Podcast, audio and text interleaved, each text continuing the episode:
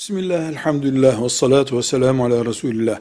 İnsan henüz yaşarken, çocuklarım benden sonra sorun yaşamasınlar diye elindeki malını, birikimini çocuklarına miras şeklinde bölebilir mi? Nasıl? İşte iki erkek, iki kızı var.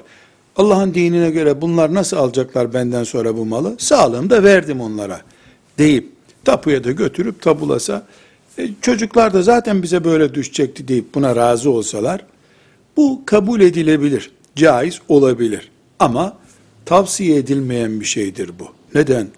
Kimin kimi gömeceği belli olmayan bir dünyadayız. Bu ön atılım hoş bir hareket değil. Velhamdülillahi Rabbil Alemin.